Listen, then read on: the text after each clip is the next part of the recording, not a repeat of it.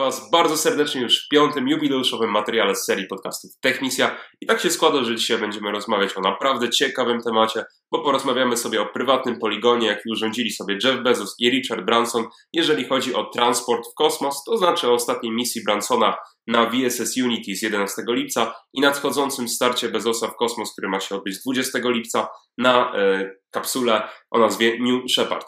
E, ja nazywam się Michał Gruchalski, jest się ze mną jak zawsze Natan Lewandowski. Cześć wszystkim. E, I na początek takie bardzo ogólne pytanie, ale Natan, czy oglądałeś start Bransona e, w kosmos w ostatnią niedzielę i czy postrzegasz to jako jakieś wielkie, unikatowe wydarzenie, które na pewno wpłynie na, na, na przyszłość mm, tej działki? Misji tych lotów komercyjnych w kosmos. Samego startu nie widziałem, ale widziałem później, jak pan Branson sobie spokojnie leciał, oglądał Ziemię z tej wysokości, którą jego statek osiągnął. E, no na pewno jest to przełomowe wydarzenie. Może nie w samym aspekcie tego, że została de facto do, został dotknięty e, kosmos, bo tutaj mówimy o lotach suborbitalnych, e, ale co jest wpływowe, to jest to, że dokonała tego prywatna osoba, a nie instytucja, która jest finansowana przez państwo. I to jest na pewno wpływowe. I też tutaj musimy zaznaczyć, że e, Branson planuje w przyszłym roku już zacząć te loty komercyjne. Wiele ludzi złożyło już też depozyty w wysokości 250 tysięcy dolarów na, e, na te na miejsca. E, prawdopodobnie ta cena się zwiększy, ale no musimy zaznaczyć, że na, na początku na pewno będzie to jednak produkt ekskluzywny, biorąc pod uwagę, jakiego typu to jest doświadczenie. Tak, tutaj warto podkreślić, że e, FAA, czyli amerykańska agencja, która za to odpowiada, e, wydała Bransonowi zgodę na, na te podróże mhm. E, w kosmos, przynajmniej na te najbliższe trzy, bo teraz odbyła się jedna, mają się jeszcze odbyć dwie próbne, chociaż w przeszłości oczywiście odbywało się ich bardzo dużo i dopiero po odbyciu tych trzech teraz próbnych Branson będzie mógł wystartować z pełnym programem swoich lotów komercyjnych. No, myślę, że słowo pełnym też nie jest bardzo odpowiednie, bo jak na razie jest to tylko chyba jeden pojazd, prawda? Nie, być może tak, jest więcej prototypów, ale, ale w pełnym użytku jest jeden, a w przyszłości Branson myśli nawet o 30-40. Tak, tutaj tylko bym Cię poprawił, bo powiedziałeś, że było wiele lat próbnych. Właśnie, co jest ciekawe, to w przypadku właśnie firmy Virgin Galactic, bo tutaj nie wspomnieliśmy też, jak ta firma się nazywa, którą, która została przez, założona przez pana Bransona, ale był pewien, y, jakby ten ta firma została utworzona w 2004 roku, jeżeli się nie mylę. Tak, i Michał tutaj mi to potwierdza. I warto zaznaczyć, że e, Branson planował już pierwsze loty komercyjne bodajże w 2009 roku. Już prawie 20 lat minęło. Tak, że to, to już minęło bardzo tak, dużo czasu od tych pierwszych, e, pierwszych planów. I wynika to z tego, że rozwój tej, tego samolotu, tej maszyny, która zabrała ich tym razem w kosmos, był dość problematyczny. Był też pewien wypadek w 2014 roku, w którego wyniku zginęło. Jedna osoba zginęła, ale po drodze były też inne wydarzenia, w których też zginęli. Tak, e, zginęli, zginęli testowi piloci, co cofnęło im pozwolenie na, na te loty suborbitalne i też wydłużyło proces E, produkcji tego statku. Wydaje mi się, że warto tutaj właśnie, bo wspominamy tutaj o tej konstrukcji, warto wydaje mi się, że powiedzieć więcej o tym, w jaki sposób zostało to, to wykonane. Czyli będziemy też właśnie później mówić o, o Bezosie i o jego rakiecie, ale warto tutaj zaznaczyć, że pojazd, który został stworzony przez firmę Virgin Galactic, bardziej przypomina konwencjonalny samolot, tak? I składa się z następujących elementów. Mamy główny taki tak zwany mothership. Mamy główny statek, który e, zlatuje na wysokość 45 tysięcy stóp i pod niego jest podłączony e, taki bardziej przypominający już taką e, statek kosmiczny, ale też trochę przypominający konwencjonalny samochód. Tak, to, co właśnie Michał mówi, to jest ten VSS Unity, tak? I po tym, jak ten statek, który trzyma ten, ten mniejszy, mniejszą maszynę, zbije się na tą określoną wysokość, ten pojazd się odłącza i wzbija się wertykalnie do góry, aż osiągnie tą wysokość, e, tę wysokość 50 mil, która jest zakładana e, w tej misji. Tak? I dlaczego mówimy tutaj powyżej 50 mil? Dlaczego mówimy tutaj o 50 milach? Bo jest to uznawane przez e, NASA jako początek kosmosu. E, tak, tutaj jeszcze, żeby to e, rozjaśnić, ten carrier ship, który wznosi najpierw ten, ten mniejszy statek w górę, nazywa się VSS Eve E, i dopiero ten, który leci w górę e, już do tej e, wysokości, o której Nathan powiedział, nazywa się VSS Unity. I tak jak Nathan wspomniał, e, to 50 mil, to znaczy 80,5 kilometra jest uznawane przez FAA, e, czyli tą agencję, o której wcześniej wspomniałem, i NASA jako kosmos. Natomiast międzynarodowo mówi się o tak zwanej linii Karmana, która jest na wysokości dopiero 100 kilometrów. Tak, no i tu nam się pojawia ta pierwsza różnica pomiędzy E, Bezosem i Bransonem, tak? Czyli w przypadku Bezosa mówimy bardziej o konwencjonalnej rakiecie stworzoną przez firmę Blue Origin i w, tamtym, w przypadku tamtej misji ta rakieta wznosi się ponad tą linię e, Karmana, tak? Czyli tutaj e, pojawia się nam pewnego rodzaju konkurencja i też stąd wynikają te takie PR-owe trochę sprzeczki pomiędzy dwoma panami, którzy uważają, że jeden, pomimo tego, że był pierwszy, e, pierwszym, pierwszym prywatną osobą, która poleciała w kosmos, E, na tego typu misji, to jednak Bezos twierdzi, że wciąż jego misja jest bardziej ambitna.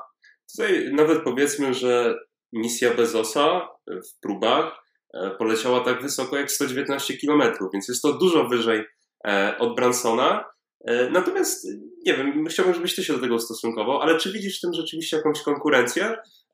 Bo tak jak rzeczywiście powiedziałeś, E, Blue Origin zaznaczało w jakichś tweetach i takich informacjach mhm. prasowych, mhm. że rzeczywiście Branson nie doleciał do linii Karmana, więc jak on doleciał do tak. kosmosu. Natomiast Branson i jego firma Virgin Galactic ustosunkowywała się do tego w taki sposób, e, że i tu, i tam jest kilka minut bez grawitacji. Więc doświadczenie tak, no, jest tak naprawdę takie samo. I jaka to jest różnica? No tutaj właśnie wszyscy analitycy i te osoby, które wypowiadałem się a propos tych dwóch misji, zaznaczałem to, że różnice są już małe, tak? bo w, w obydwu przypadkach mówimy o przestrzeni suborbitalnej, czyli to wciąż nie jest e, taka misja jak na przykład e, wysłanie astronautów na Międzynarodową Stację e, Kosmiczną, tak? tylko mówimy tutaj bardziej o takim krótkim 3-4 minutowym doświadczeniu, właśnie to co mówisz, że nie mamy żadnej grawitacji. I w obydwu przypadkach jest to bardzo podobne, podobne doświadczenie. Jedyne co się właśnie różni to jest sposób, w jaki jest to dokonywane. Czyli tak jak mówiliśmy, w przypadku,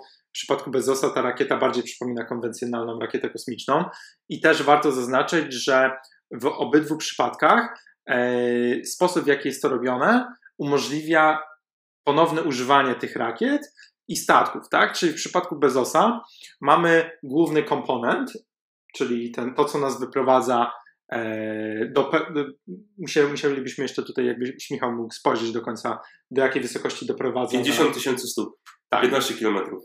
Ale to mówimy o. E, to jest Bransonie. przynajmniej Branson. Branson. E, tak, natomiast to jakbyś jeszcze... różni w dużym. Nie, nie, ale jakbyś jeszcze zobaczył właśnie, jak to wygląda w przypadku Bezosa, bo tam mamy ten główny moduł, który, którym jest silnik rakietowy i wyprowadza, wyprowadza całą konstrukcję na na, wysoko, na dużą wysokość i później odłącza się taka kapsuła na górze, która powraca na Ziemię, yy, ma jakby swoją trajektorię i powraca na Ziemię i ląduje przy użyciu yy, spadochronów. A rakieta, ta, ten główny moduł, wraca na Ziemię też spokojnie, lądując jakby wertykalnie z powrotem, tak? Czyli nie marnuje nam, bo jeżeli mówimy o jakimś takim, jak kiedyś pamiętamy misję, e, jak leciliśmy na, na Księżyc albo coś tego typu, to często na ten główny element się marnował, ponieważ spalał się e, w czasie lotu, tak? Albo rozbijał. A tutaj ten komponent może być używany wielokrotnie. I to samo jest w przypadku, w przypadku misji Bransona, ponieważ ten statek, który zabiera ludzi na na tę wysokość e, określoną w misji, również powraca na Ziemię, jak zwykły samolot ląduje na lotnisku, tak? A ten statek, który zabiera ten mniejszy statek na tę wysokość 45 tysięcy stóp, też powraca i ląduje bezpiecznie na lotnisku. Czyli nie mamy tutaj żadnych strat e, po wytworzeniu tych, tych maszyn. Znaczy, co ciekawe, według informacji, które znalazłem, ta kapsuła odczepia się na podobnej wysokości, jak ta, do której w ogóle dolatuje VSS Unity, tak? tak Bo no. oczywiście wtedy to wchodzi za linię Karmana i tam jest to kilka minut Zero Gravity i potem e, schodzi w dół, tak jak powiedziałeś. Mhm. Natomiast co jeszcze bym chciał na tym etapie podkreślić naszego podcastu, e, to o tym, jak to była istotna misja dla Bransona, to co się mhm. stało w niedzielę. E, I potem na pewno przejdziemy do porównań obu misji i czy rzeczywiście istnieje tam jakiś wyścig pomiędzy panami. Dlaczego była to istotna misja? Była pandemia, tak, oczywiste. E, I myślę, że Virgin Group bardzo dużo straciło na pandemii, w szczególności niektóre e, tutaj e, pod firmy, o których zaraz pewnie powiesz. A Virgin Galactic było tym, co trzymało Bransona przy życiu, powiedzmy. bo Branson nie ma oczywiście całości udziału Virgin Galactic, jest to 24%, warte około 3 miliardów dolarów, natomiast było bardzo duże zainteresowanie publiczne, bardzo dużo inwestorów rzeczywiście wspierało Virgin Galactic i dzięki temu on utrzymał e, płynność finansową. I jako, że teraz to się udało, Branson został uratowany.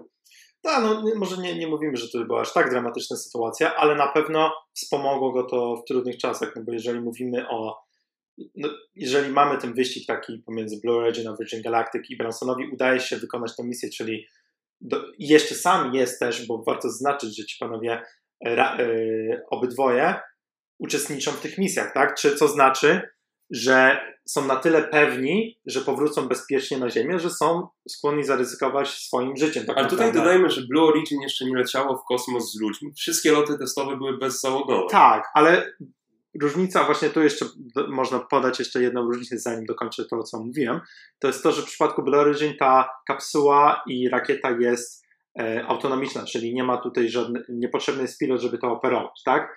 E, jest to wykonywane z bazy naziemnej.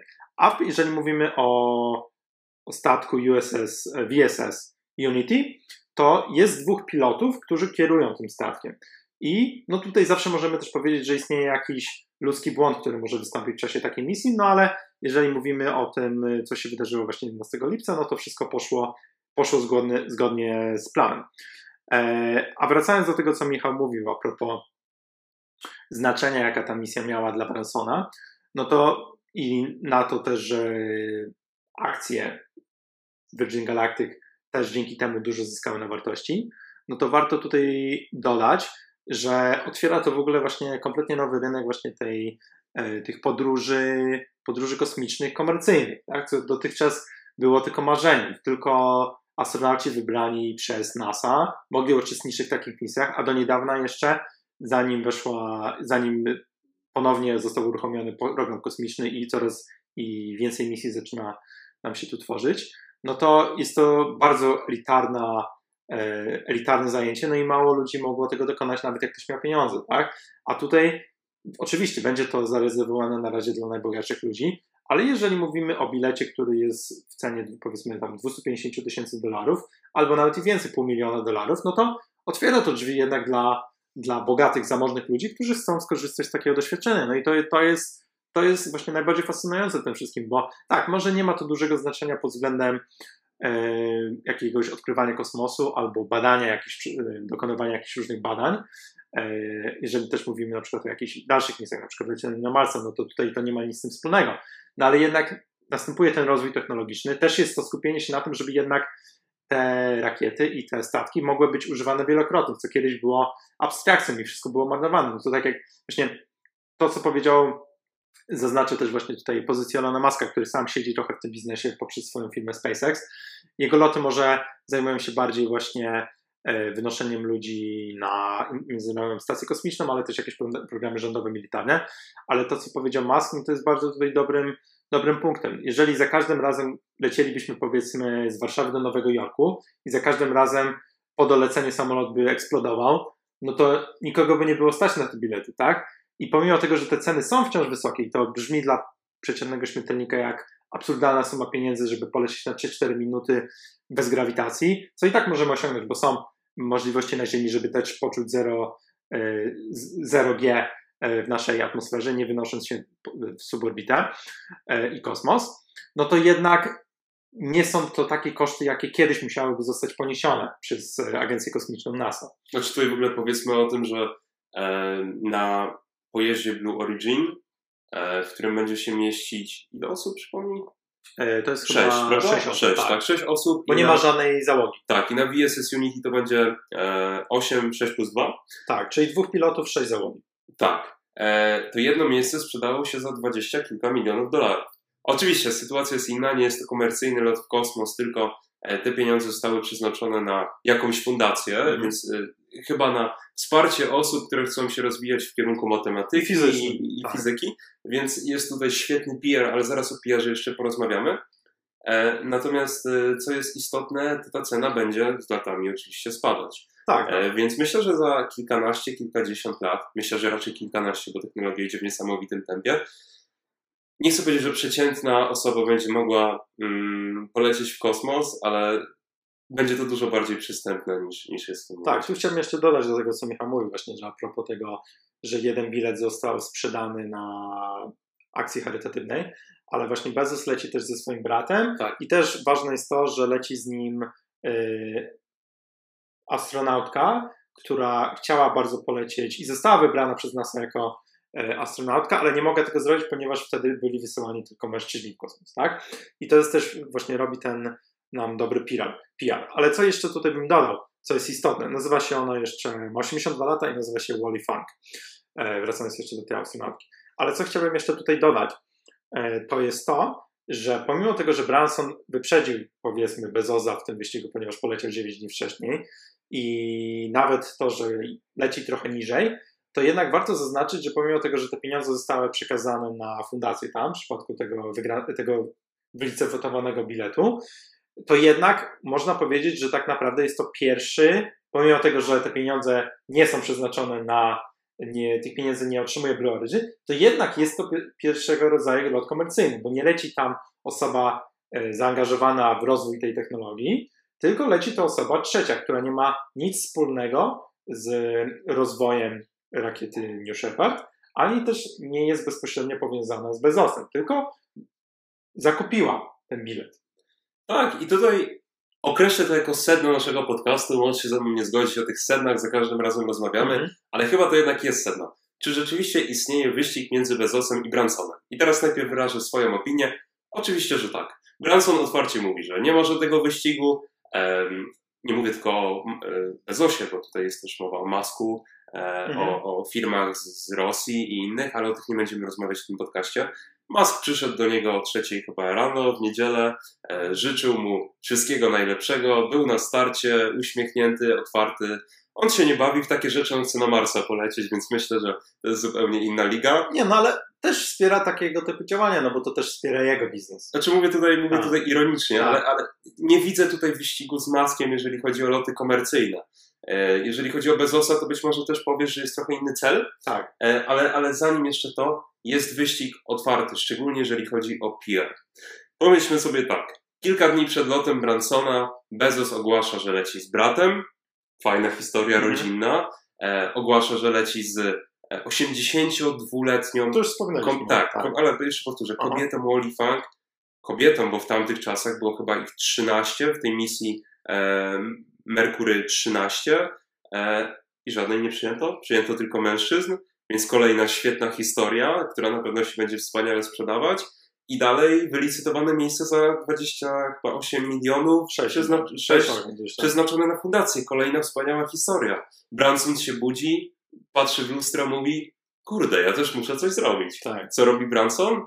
I Virgin Galactic ogłasza lot kilka dni przed Bezosem. I cała uwaga mediów leci na niego. W tym momencie, jak mhm. się wejdzie w media, Branson, Branson, Branson. Oczywiście za kilka dni Bezos wróci do tego, ale jest tutaj oczywisty wyścig po pieniądze i atencję medialną. Tak, no to co już też właśnie wspominałem, to fundamentalnie w tych misjach nie chodzi o samo to wykonanie tego zadania, bo zostało to już zrobione, ale chodzi o to, że e, zarówno Bezos, jak i Branson są na tyle pewni i wierzą w sukces tych misji, że są skłonni wziąć swoich najbliższych też siebie, ale też swoich najbliższych na tę misję i są pewni, że wrócą z powrotem, tak? No i to jest kluczowe dla też promowania bezpieczeństwa takich misji, no bo ludzie mogą mieć pewnego rodzaju obawy, ponieważ zdarzyły, zdarzały się wypadki też przez NASA, a były tam inwestowane dużo większe pieniądze, czyli no jest to na pewno w tym momencie bardziej ryzykowne niż konwencjonalne latanie samolotem, no ale jeżeli chcemy też to komercjalizować, no to musimy w jakiś sposób zachęcić ludzi i pokazać im, że jest to na tyle bezpieczne, że miliarderzy mogą tego dokonać. Ale tu warto właśnie zaznaczyć też tę różnicę, że jednak to też widać po prostu też po tym, jak wyglądają te statki, jak i rakiety Bransona i, i Bezosa, że Branson skupia się jednak tutaj na tworzeniu takiego biznesu dla, dla ludzi, dla bogatszych ludzi, dla ludzi, którzy mają pieniądze, którzy chcą zobaczyć po prostu, doświadczyć tego, zobaczyć Ziemię z tej wysokości, na którą lecą. A w przypadku Bezosa jest to jednak bardziej, yy, jednak kierowałbym się tutaj E, tym PR-em, że to po prostu daje dodatkowe paliwo dla firmy Blue Origin, która jednak tak, będzie prawdopodobnie kontynuować te loty komercyjne, jeżeli tutaj się wszystko uda, ale jednak oni skupiają się bardziej na jakichś kontraktach rządowych, jak i militarnych i też mają bardziej aspiracje typu SpaceX, czyli chcą wynosić astronautów na Międzynarodową Stację Kosmiczną, y, zabierać tam wszystkie potrzebne materiały, które są tam niezbędne do przeżycia i to ich bardziej interesuje, ta strona militarna, rządowa. A w przypadku Bransona jednak wydaje mi się, że tu jest jednak głównie to skupienie się na tym, żeby y, umożliwić większej ilości osób doświadczenie kosmosu. Nie wiem, czy się ze mną zgodzisz, ale tak jak wcześniej wspominałem o tym, jak ważna była ta misja dla Bransona, miałem na uwadze też to, jak dużą uwagę poświęca Branson Virgin Galactic w porównaniu z tym, jak dużą uwagę poświęca Bezos Blue Origin. Oczywiście mhm. też ona jest duża, natomiast wydaje mi się, że jest proporcjonalnie mniejsza, jeżeli spojrzymy na, na jakieś inwestycje i, i po prostu uwagę niż, niż Bezosa. Z tym to akurat bym się właśnie nie zgodził, bo Masz do tego prawo. Bezos właśnie zrezygnował w zeszłym tygodniu bodajże, czy tam planuje zrezygnować z funkcji CEO Amazona. To już zrobił. To już zrobił, no właśnie. I no pokazuje to jednak, że właśnie w przypadku Bezosa jest taki bardziej ciekawy aspekt poruszenia, że on skupia się na paru rzeczach, które uważa są najbardziej istotne. Czyli jeżeli rezygnuje z roli CEO jako Amazona, uważa, że jest na tyle pewny w to, co już stworzył, że jego uwaga powinien, powinien zająć się po prostu innymi rzeczami. I Bezos zajmuje się też innymi spółkami, ale jednak uważa, że Blue Origin jest przyszłością i dlatego poświęca swoją uwagę tej firmie. Tak, w przypadku Bransona nie, nie jestem w stanie ocenić, na ile ci panowie są zaangażowani, to jednoznacznie, ale uważam, że jest to podobny, podobny stopień, ponieważ e, Bezos, podobnie jak Musk mówi, w przypadku Bransona tutaj o tym nie możemy mówić, uważa, że jednak kolonizacja jakichś innych planet, ale też e, rozwój wszystkich, wszystkiego rodzaju misji kosmicznych jest kluczowy dla przyszłości ludzkości. No jeżeli chcemy, żeby naszym dzieciom żyło się lepiej i żeby to, co wszystko, co, co, jakie szkody spowodowaliśmy naszej planety, że jeżeli możemy w jakiś, jakiś sposób to nadrobić. I kosmos jest taką przestrzenią, która, która może nam to umożliwić. Okej, okay, to, też, to też jest bardzo przekonywująca perspektywa. E, ja może trochę odpłynąłem i może trochę odpłynę jeszcze dalej i sprowadź mnie do ziemi. Mhm. Mam do tego takie podejście, że Branson jest osobą w wieku 70 lat.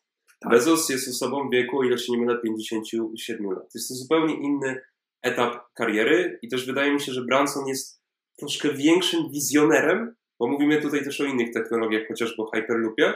Jest po prostu większym wizjonerem od e, Bezosa, dużo, to, dużo więcej to dla niego znaczyło, mm -hmm. niż będzie znaczyć dla Bezosa, aczkolwiek to zobaczymy za kilka dni. Okay. I tutaj mogę zacytować kilka, kilka słów Bransona, który e, lecąc już, już w kosmos nazwał to doświadczeniem życia, experience of life. Oczywiście, co innego ma powiedzieć PR media, wiadomo. Natomiast, e, tak jak udostępniliśmy na naszym profilu społecznościowym na Instagramie, e, do którego Was bardzo serdecznie zapraszamy, e, pierwsze słowa Bransona już bez grawitacji 4-5 mhm. minut zamiast latać, porobić sobie jakieś pajacyki w powietrzu.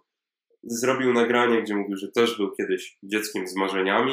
Zobaczcie, ile osiągnąłem i pomyślcie, ile wy, przyszłe generacje, możecie osiągnąć, jak daleko już zaszła ta technologia.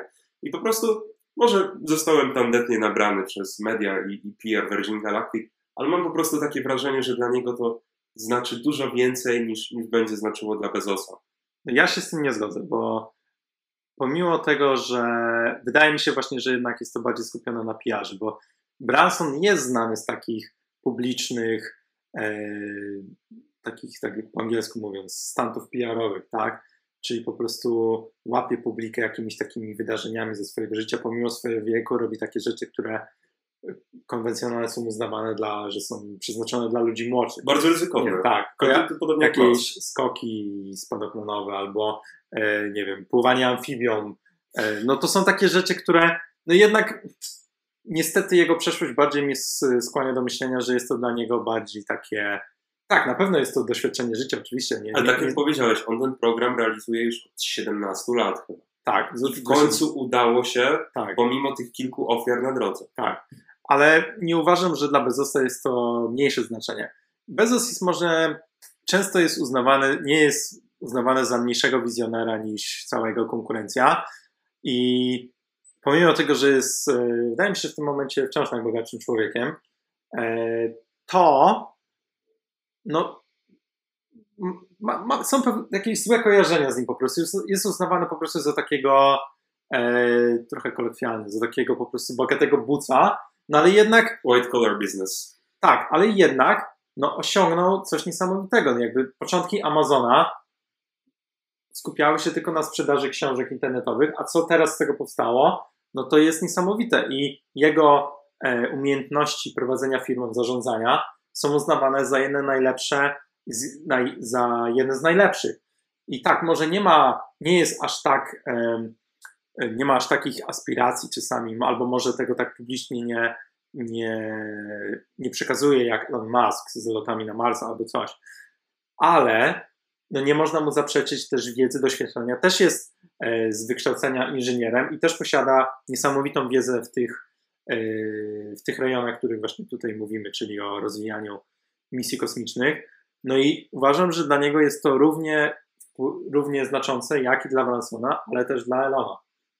Jasne, myślę, że to jest, e, trzeba wspomnieć o tej umiejętności dystylowania prawdziwej wiedzy z tego całego natłoku PR-owego. Mhm. Myślę, że każdy tutaj ma inny odbiór. E, na końcu i tak finanse i, i papiery pokażą, jaka była prawda, to znaczy e, jak bardzo się zwróciła inwestycja i, i jaka będzie po prostu przyszłość Blue Origin i mhm. Virgin Galactic.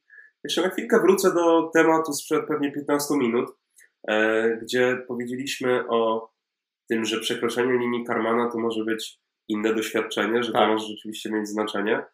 Znalazłem artykuł na Time, gdzie wypowiada się astronauta NASA e, Terry Birds, który mówi, że jeżeli opuścisz atmosferę i latasz, jesteś astronautą. E, I on po prostu opisuje tutaj swoje doświadczenia z, ze swojej kariery w NASA e, i, i nie widzi tej różnicy.